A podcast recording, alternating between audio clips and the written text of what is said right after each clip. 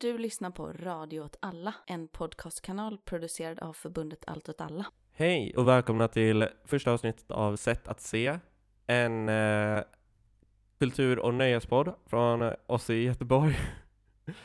eh, jag heter Niklas och eh, idag så tänkte jag prata om eh, nya Adam Curtis-serien och eh, politik och lite sånt. Leo, vad tänkte du prata om?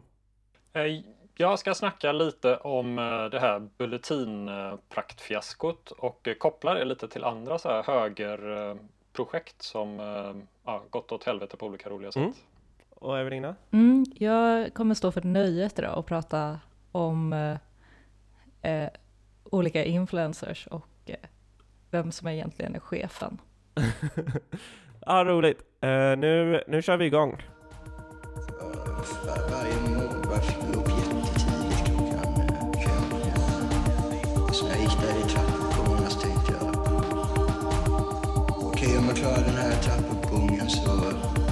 Jag inte tillräckligt mycket pengar för att köpa en.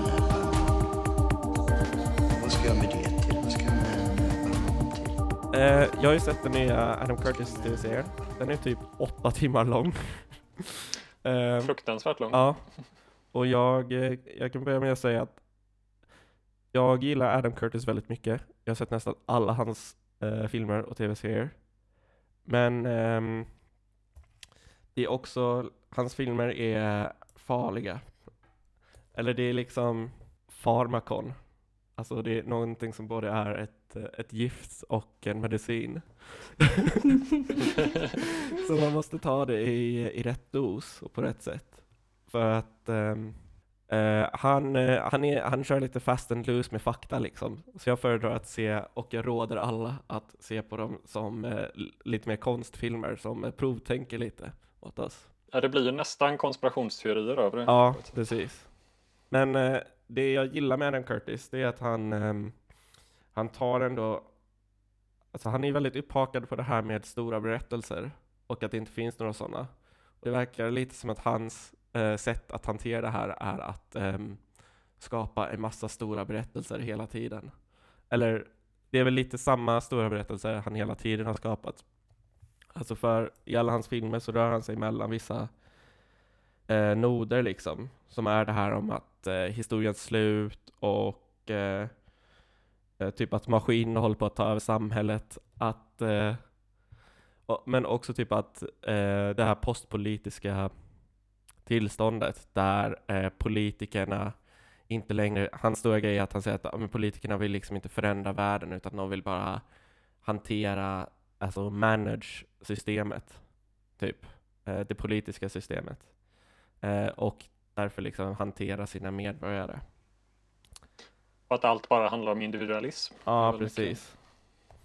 Men den här nya serien, den heter Can't Get You Out of My Head och undertiteln är An Emotional History. Och den typ handlar ganska mycket om eh, framförallt västvärldens övergång från eh, liksom, eh, kollektivism och liksom massdemokrati och sånt till individualism.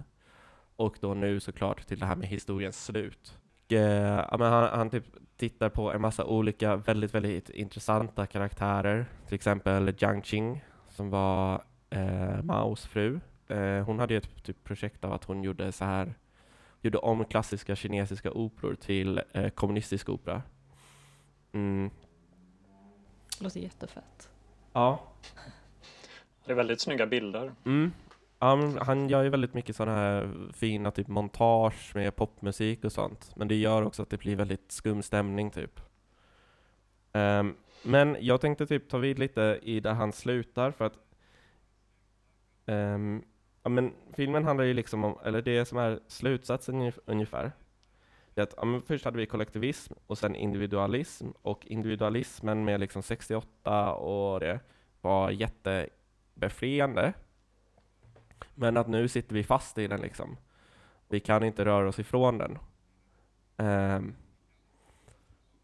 och nu har det bara blivit att man är rädd hela tiden. Alltså man är rädd för, eh, det är så pass individfokuserat att man kan liksom inte be någon om hjälp och det finns inget stöd att få. Men det som är intressant och det som kanske skiljer den här tv-serien från många av hans andra filmer, till exempel speciellt hans förra film med Hypernormalization, det är att han, jag tycker att den slutar ganska mycket på en eh, um, en positiv note, liksom, eller lite hoppfullt, om än ganska suggestivt. Uh, som är att han i princip är så här, okej okay, men för att, hur ska vi komma ur den här uh, limbon? Liksom? Och det han säger är ju att ja, men vi måste börja drömma igen. Vi måste här, skapa nya framtider att se fram emot. Vi, vi måste liksom börja typ, tänka om samhället och tänka stort om samhället och liksom ta tag i liksom, samhällsprocessen, alltså inte bara låta tåget gå. Och det tycker jag är intressant för att eh, sen liksom, ungefär murens fall så har det varit ganska inne att typ racka ner på liksom, aktivism och problematisera det. Och nu senast, för några år sedan, så kom eh, Sven-Anders Johansson med den här boken Det cyniska tillståndet. Som är typ den senaste här, aktivismkritiken. Eh, där man i princip säger att politisk aktivism handlar bara om att kon konstruera sig som god i relation mot liksom, en annan. Och då menar ju de att då kan man aldrig liksom faktiskt vinna. För att man behöver sin motståndare liksom. Och det här är ju typ ett väldigt bra exempel på det tillståndet Adam Curtis beskriver, som är att ja, man känner att man inte kan göra någonting för att hur goda intentioner man har så skapar det ändå någonting, skapar det ondska typ.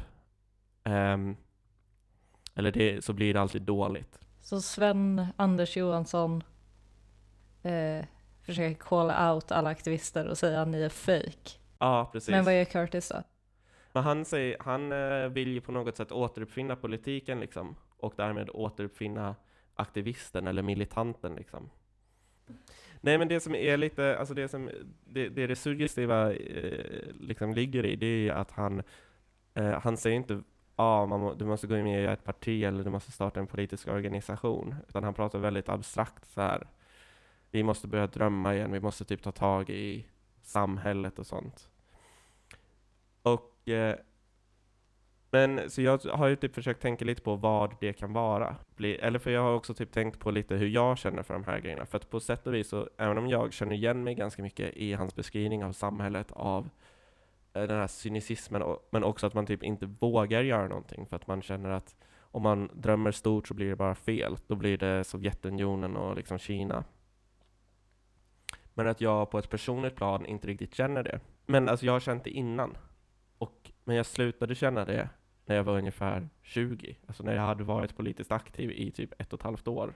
Så jag tänker att det här helt enkelt är svaret på, jag vet inte, den eh, frågan Adam Curtis slutar sin dokumentär med, och också vägen ut. Så jag tyckte också att det kändes som att typ det här med blandningen av det kollektiva och det individuella. Han säger också att vi kan inte gå tillbaka till liksom massdemokrati och kollektivism. Alltså, you can't put the genie back in the bottle, säger han. Jag tyckte det kändes som att det vi sysslar med, typ i allt alla ganska mycket, stämmer överens med den. Alltså att det är på något sätt eh, både kollektivt och individu individuellt på samma gång. Jag, jag har ju sett hans tidigare filmer också och han har ju en väldigt speciell stil mm. så på något sätt. Och jag tyckte det blev väldigt tydligt i den här att det känns ju lite grann som att vara på en släktträff och lyssna på några småfull gubbsläkting som håller låda i oändliga osammanhängande mm. anekdoter samtidigt som en femåring sitter och visar sina roliga klipp på TikTok ungefär. Liksom att det blir så här totalt kaos bara. Liksom. Skitsvårt att hänga med men, eh, men väldigt underhållande samtidigt. Mm. Sätt, liksom. Jag hade också svårt att liksom få någon sammanhållen bild av liksom vad allt det var. Att, eh, men det var väldigt bra för inspiration för att jag blev väldigt irriterad på väldigt mycket och det väckte massa inspiration till en massa andra tankar. Så att på det sättet tycker jag det kan vara bra att se den liksom, för att, som någon slags provokativ. Ja, alltså det är väl det på det sättet att han absolut mest påminner om konst. På det sättet att det ställer intressanta frågor typ. Som all konst gör nu för tiden. Nej, men jag tycker, alltså på sätt och vis så är det väl eh, lite härligt att um, det får vara lite, lite blandat liksom, eller lite free for all typ. Eh, jag har inte tittat på den här dokumentären, eh, men jag tänker väl spontant att det är ett, eh, att inte ha ett så tydligt svar utan bara ställa en fråga är också ett sätt att få göra den dokumentären man vill. Mm. Eh, alltså att jag hade nog faktiskt hellre sett på den här dokumentären som Leo precis beskrev som ett släktkalas med en muttrande gubbe och TikTok-videos än att titta på en propagandavideo för någonting. Mm. Jag tycker typ Al Gores dokumentärer är jättetråkiga. Ja, Just det, när det finns ett väldigt tydligt budskap och linje. Så. Mm. Ja, ja men det blir liksom, eh, då tittar man ju bara på den om man, är, om man redan håller med, för man fattar direkt, liksom i första scenen så fattar man exakt vad den kommer säga. Mm. Och då blir det typ inte intressant kultur, utan det blir bara en propagandafilm. Um, jag tycker ändå det här låter spännande. Eh, tråkigt att han har missat allt åt alla. Kanske jag skickar ett mail och bara eh, tips.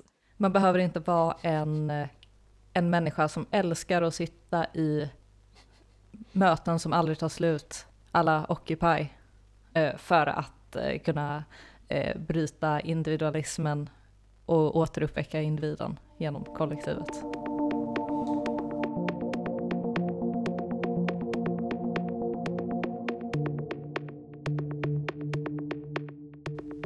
Jag ska prata om Bianca Ingrosso. Mm. Jag hoppas att ni vet lite om vem hon är. För annars kommer det här bli Mm. svårt. Men eh, Det är Pernilla Wahlgrens dotter, väl? ja, det stämmer. Ja, Och hennes pappa... Nilla. Nilla. Ja. Nillas dotter. Ja, vår generation känner henne kanske mest som Nilla. Men eh, hon var ju en riktig så här partyprinsessa på 80-talet och Pernilla alltså. Pernilla ja. Mm.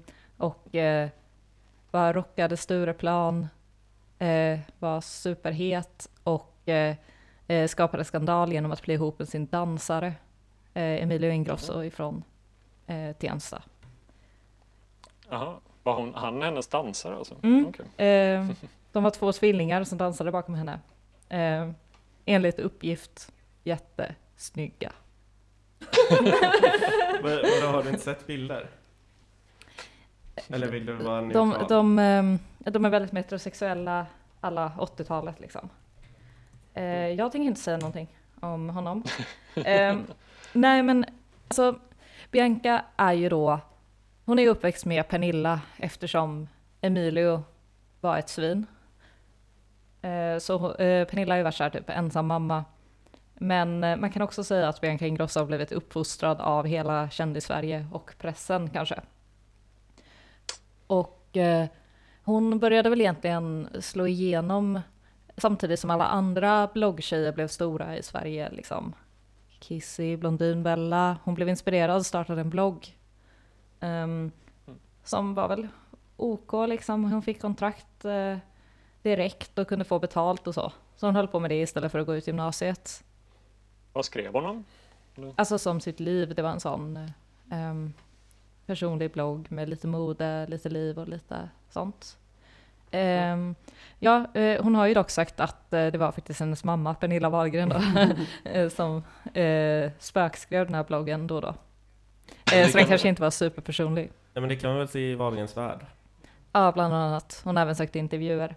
Men det är lite roligt. Mm. Men i alla fall sen typ eh, eh, ja, men eh, 2016 då börjar liksom hennes karriär ta fart. Hon är med i Let's Dance, kommer tvåa.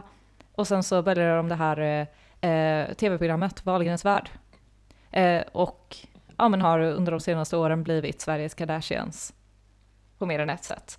Eh, och särskilt Pernilla är ju också momager, precis som, eh, vad heter hon? Chris Chris Jenner. Ja. För, e- eftersom hon då hade tvingat Bianca att skriva den här bloggen och starta den. Ehm, men Vilken bra morsa. ja, väldigt bra morsa, väldigt stöttande. Måste jag ändå säga. Det har gått sjukt bra för henne. Mm. Mm. Hennes karriär har liksom gått ifrån att hon satt hemma och jobbade eh, liksom med sin blogg istället för att gå på gymnasiet eh, till att hon nu äger flera företag. Ehm, och eh, är med i supermånga tv-program och sånt. Men hur hände det här liksom? Vad var det egentligen som hände? Pernilla sk- spökskrev hennes blogg. Hon måste ha ett finger i spelet. Ehm, kan man ju tänka sig. Mm. Nej, men man får titta lite, alltså runt Bianca så finns det ganska många människor. Och eh, i hennes företag, som är hennes personliga företag som handlar om hennes varumärke, så har hon eh, dels en agent, men också en assistent eller coordinator. Kanske flera. Och det är alltså bara hennes företag som handlar om henne som person. Eh, sen det här andra sminkföretaget, där, det funkar väl som ett vanligt företag och där har hon ju också en titel. Hon är typ eh, creative director eller någonting, plus att hon är aktieägare. Eh, men det intressanta ligger kanske mer i det här, hennes företag och vad hon gör. Hon är ju influencer, det vill säga mer eller mindre vandrande reklampelare så. Eh, så företag betalar extremt mycket pengar för att hon ska typ bära deras eh, kläder eller kanske lägga upp något på sin Instagram story om något läppstift hon gillar eller något sånt. Det är ju hennes yrke. Och i det yrket drar hon in hur mycket som helst. Och eh, säger själv redan 2017 typ att hennes år är bokat ett, ett år i förväg. Nej, fy fan. Eh, och då menar hon alltså att eh, vad hon ska lägga upp på sin eh, Instagram är bokat ett år i, år i förväg. Eh, och liksom sättet hon pratar om det här på är väldigt, alltså det är så här hyperalienerat. Hon, hon vet att hon själv är, är produkten på ett sätt, alltså hennes varumärke. Eh, men det är också som att hon inte har någon kontroll överhuvudtaget när hon säger det liksom ett år. Alltså det, är, det handlar ju, hennes vardagsliv handlar ju om att liksom fylla upp det som har bestämts redan tidigare. Eller liksom att utföra det. Så det är ganska likt ett vanligt arbete. Mm. Om man tänker på det på det sättet. Och i alla fall när jag har tänkt mycket på Bianca Ingrosso så har jag också tittat på den här dokumentären om Britney Spears, Framing Britney Spears, um, som släpptes för ett tag sedan, uh, som jag tror många har sett. Och den handlar väl lite om uh, situationen Britney har hamnat i, som har gått ifrån att vara en barnstjärna till att bli både artist men kanske framför allt varumärke. Mm. Mm. Och um, i den dokumentären så får man väl typ se, ja men det handlar väl ganska mycket om att eh, Britney Spears är un, ställd under förmyndarskap. Mm. Och att eh, hon liksom egentligen inte har någon kontroll alls över eh, sin ekonomi. Hon är väl helt omyndigförklarad. ja, precis. Hon har väl typ inte heller någon kontroll över var hon bor. Alltså hon verkar inte ha någon kontroll över sitt liv Mm, generellt. nej. Och Ja, det är både ekonomiska och sociala. Helt styrt. Eh, Just det med Britney är ju en helt extrem situation, för hon är ju, ja, det finns ju ingen som är så stor, eller hon är liksom en världsstjärna. Men det finns en eh, väldigt intressant eh, typ likhet mellan de två. Och eh, det är hur, hur deras företag, som är deras person, har blivit så mycket större än de själva. I Britney-dokumentären så är det ganska mycket att hon inte kan träffa någon som hon inte anställt. Det är ett tema som återkommer hela tiden. Varför kan hon inte det? men det är dels för att hon... eh, för att eh, de flesta runt omkring henne blir anställda för att kunna hjälpa henne. Alltså när hon är barn, Britney alltså. Mm. Typ att, de, att hennes föräldrar agerade manager åt henne. Och det var ju av liksom eh, nödvändighet för dem, för de var ju inte supertäta. Mm. Så de var ju tvungna att bli anställda av Britney-företaget för att kunna vara med sitt barn Mm. eh, till att börja med. Eh, men sen så blir det ju, verkar det bara vara någon grej som händer av sig själv? Att man är, eh, när man är så framgångsrik, att man bara, att man hamnar för långt ifrån folk. Eh, Britney, om hon, hon kan inte träffa någon. För att eh, hon är förföljd av paparazzi. Men hon kan ju träffa nya människor hela tiden. Eh, till exempel någon som sminkar henne, hon kan bli kompis med den. Mm. Det är inget som hindrar, men den som sminkar henne är ju fortfarande på något sätt, alltså inte direkt avlönad av henne, men är en del av eh, eh, The Britney Spears Enterprise. Ja, en del av Britney Spears Extended Universe Ja, och höjer sitt värde därigenom. Typ. ja eller får sin lön. Ja. ja men så här, ä- jag tänker att även om hon inte är avlönad direkt, så om man sminkar Britney Spears så vet alla i, eh, vad heter det, den, i nöjesvärlden det. Typ. Jaha, ja, jag tänkte tvärtom. Ja. Att det bara är en sån eh, krass ekonomisk verklighet, typ att eh, den som sminkar Britney Spears kan ju, kan ju ha helt goda motiv. Mm. Men den kommer fortfarande vara ekonomiskt beroende av henne. Mm. Fast inte direkt liksom, utan genom att den är anställd av ett företag som blir anställt av ett Mm, företag som mm. blir anställt av... Ja, så. Och det här är intressant, för det verkar ju ha hänt med Bianca Ingrosso också. Eh, genom den här eh, reality-showen de gör så träffar hon människor, men de jobbar kanske för den reality-showen och tv-kanalen. Mm. Och de kan bli vänner, det är inte Bianca som ger dem lön, men de är fortfarande typ beroende av eh, att hon finns för att kunna ha sitt jobb på den tv-kanalen. Mm. Och inte direkt beroende liksom. Eh, och sen så eh, blir det väl att hon gör projekt tillsammans med sina kompisar. Det är en jävla massa gråzoner. I Mm. alla fall. Men det mest intressanta är hur eh, Bianca då uttrycker det här. Alltså hon pratar ganska mycket om sina anställda som att det är de som bestämmer över henne. De som är direkt anställda av henne. Eh, till exempel hennes eh, agent Vanessa Lindblad. Hon har varit hennes agent ganska länge. De jobbade tidigare tillsammans på den här bloggportalen där hon började blogga Once Back. Och där jobbade hon Vanessa, men nu har ju de startat ett företag tillsammans. Eh, Men det intressanta är ju att det är Vanessa som sätter det här schemat eh, ett år framåt är min Instagram bokad. Så då så känner ju Bianca som individ då, eller verkar uttrycka och känna att det här schemat har sagts åt henne. Men det är ju hon som är ytterst, det är ju hon som har anställt Vanessa Mm. som har satt det här schemat. Och samma sak med hennes eh, assistent, att assistenten sätter schemat och då tycker Bianca att schemat styr henne. Men det är hon som har anställt assistenten för att sätta det här schemat. Mm. Och det här är ju extremt intressant. Mm. Det är ju som att Bianca Ingrosso inte har någon kontroll över sitt liv. Subjekt, alltså i hennes u- egen upplevelse av det. Men objektivt så har hon all kontroll. Ja, precis. Det är som att hon är både producenten och varan i, den här, i det här företaget på något sätt. Ja. Mm. Jo, precis, för hon vet ju att om hon inte eh, underkastar sig de här grejerna som hon kanske inte direkt vill göra så kommer hennes för, eh, varumärke inte att växa och eh, då kommer hon inte bli så rik att hon kan köpa en jaktyacht som hon drömmer om. Nej. Nej men hon är ju underställd det här liksom att hela tiden ackumulera mer kapital och skapa vinst. Att det är ju de reglerna som styr henne egentligen på något sätt. Eller? Ja, eller de reglerna styr ju henne, men de styr ju henne som Bianca Ingrosso AB. Mm. I egenskap av företag och kapitalist därmed också. Alltså för hon är ju Mm. faktiskt det. Mm. Ehm, så, så kan hon ha de drivkrafterna. Men man får ju känna henne som människa också. Och Mm. Hon är ju i princip anställd av sitt eget företag. Mm. Så hon är liksom, Ja. hon är liksom anställd av sig själv. Hon är bara arbetare och kapitalist på ett sätt som mm, vissa liberaler pratar om att egenföretagare alltid är. Men jag skulle vilja hävda att det här är inte som det alltid är, utan att det här är faktiskt en ganska speciell situation.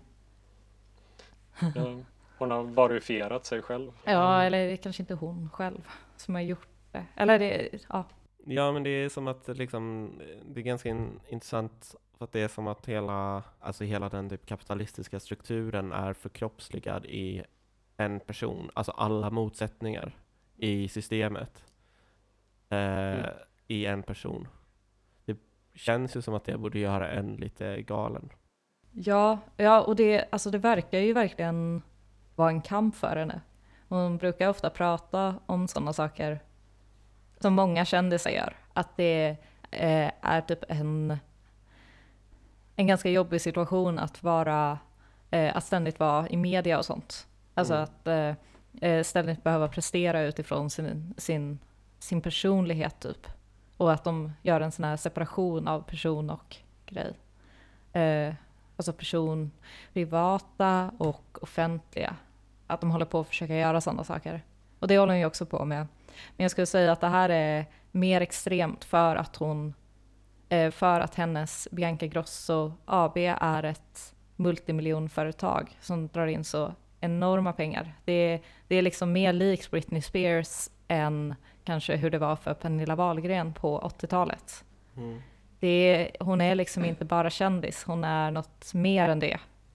Och så, precis som Britney Spears inte bara är artist utan hon är också ett varumärke i sig själv. Ja, men det här ska bli väldigt intressant att följa, ja, men hur det går för alla de här influencersna och sånt. Mm. Men det är som att eh, Britney Spears är länken mellan Alltså det är Bianca Ingrosso, Britney Spears och Pernilla Wahlgren. Alltså i utvecklingskedjan i, av kändisskap på något sätt. Mm. Det måste ju ha varit något som hände där. Mm. Jag har inte gått in på den historien. Alltså hon är ju typ syborg. Mm. Eh, vilket är ganska Att hon är coolt. Hon är syborg. Hon är ju, Ja, hon är både så här eh, eh, människan, Bianca Ingrosso, kändisen Bianca Ingrosso, men även Bianca Ingrosso AB som är ett företag som agerar som ett företag liksom. Hon, hon, är, hon är hälften människa, hälften företag.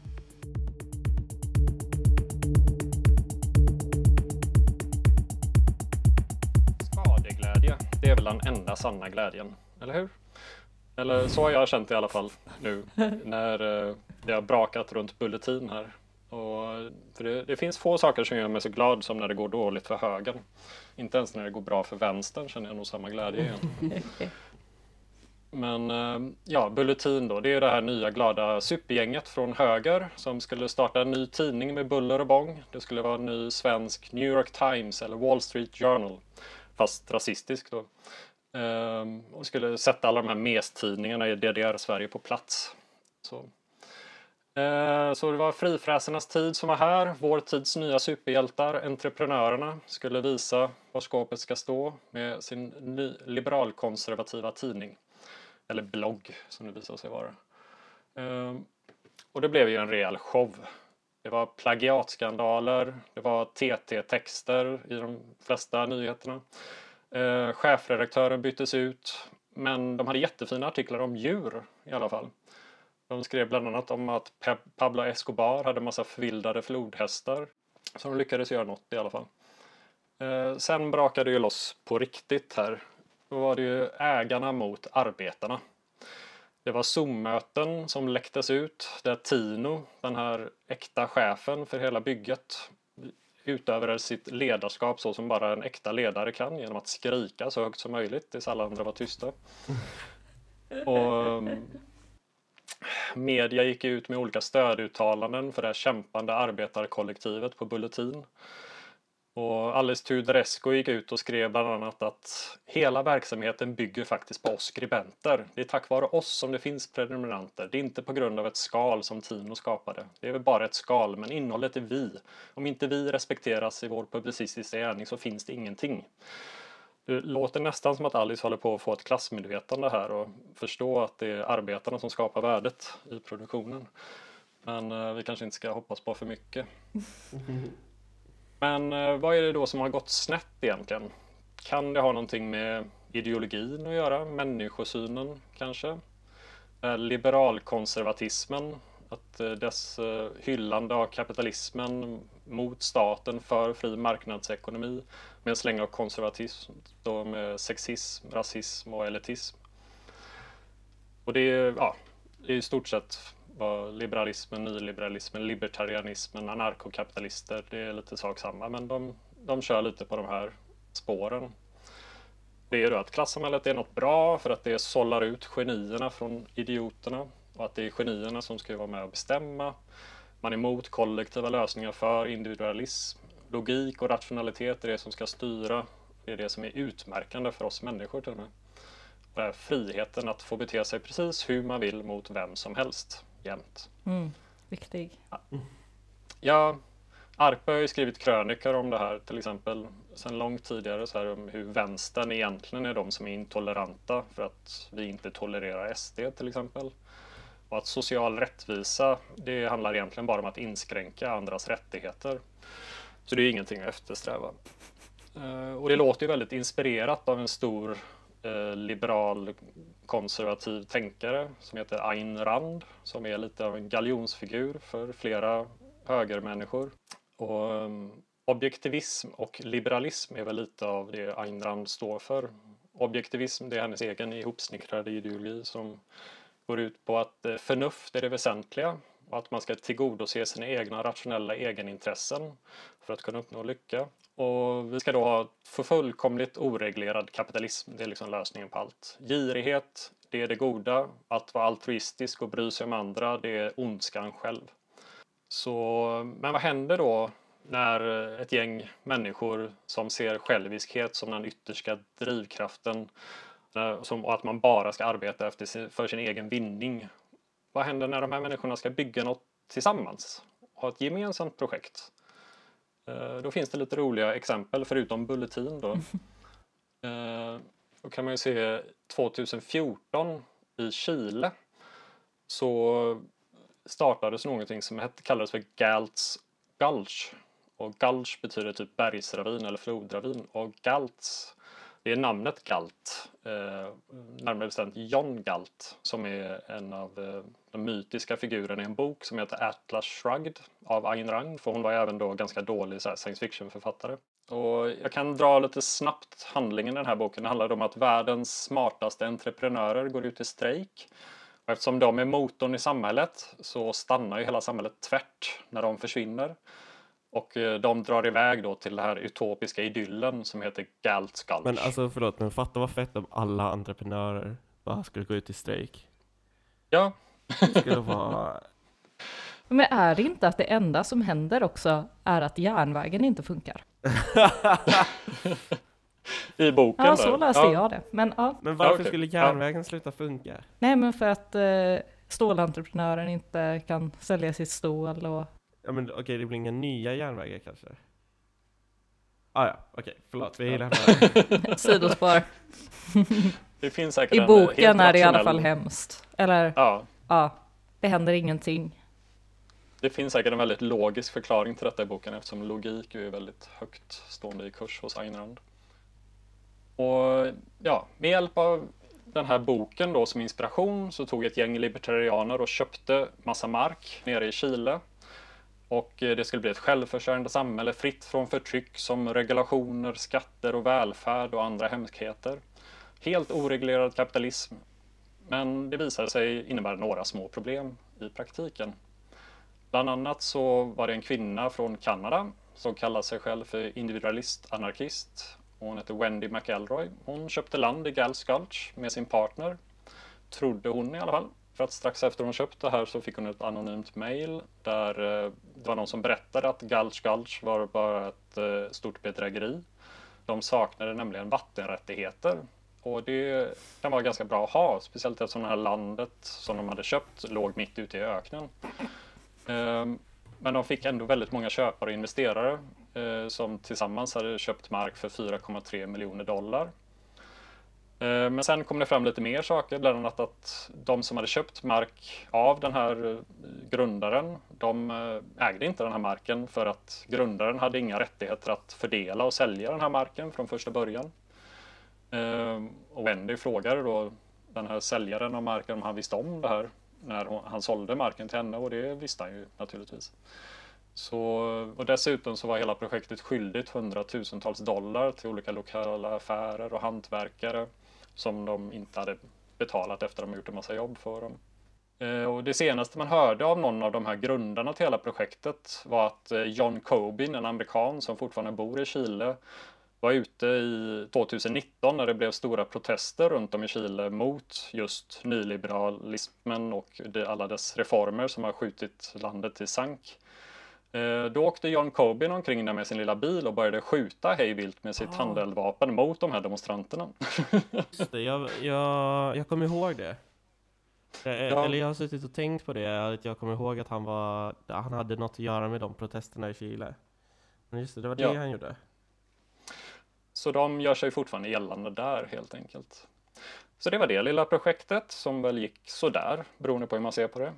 Eh, sen finns det ett annat projekt som heter Freetown Project som var aktivt från 2004 till 2016 och den här gången var det i USA, närmare sagt eh, New Hampshire.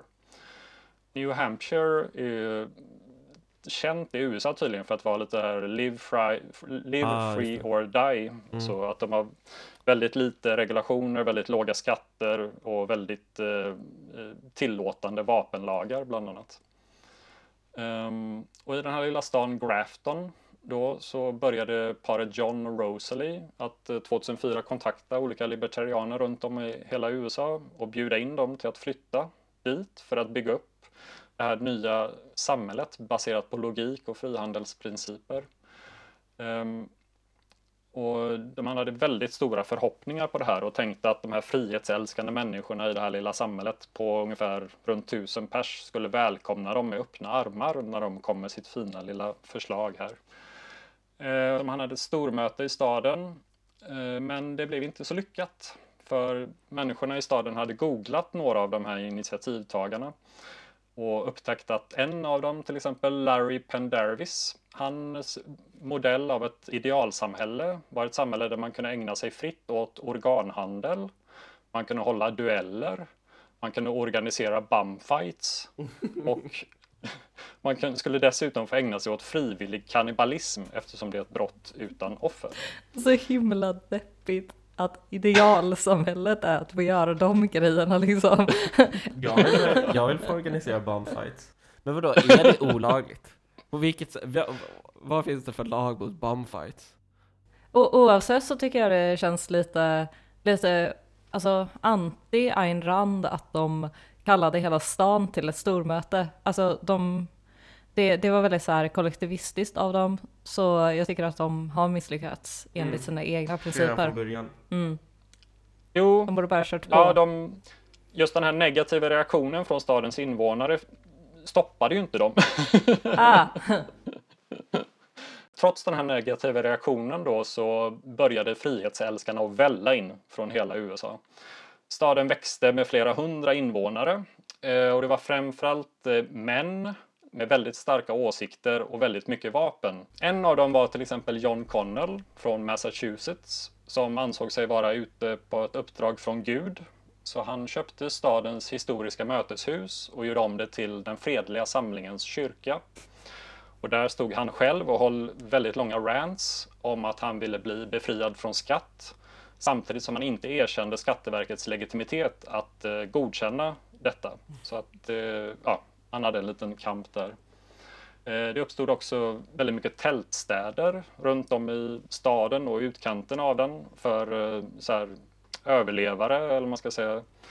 Men eh, där ingen riktigt hade någon egen erfarenhet eller kunskap om hur man faktiskt överlevde i vildmarken. Um, och man gjorde också väldigt mycket försök till avregleringar. Man ville till exempel avskaffa skoldistrikten. Man ville helt och hållet avskaffa vägreparationer. Man ville införa att staden skulle vara en FN-fri zon. Men ja. Eh, det här misslyckades. um, däremot så lyckades man efter flera års lång kamp att minska budgeten väldigt successivt. Polisbudgeten ströks nästan helt. Det fanns en polis och en polischef i staden, men de hade inte råd att laga sin polisbil så de kunde inte åka runt och göra så mycket.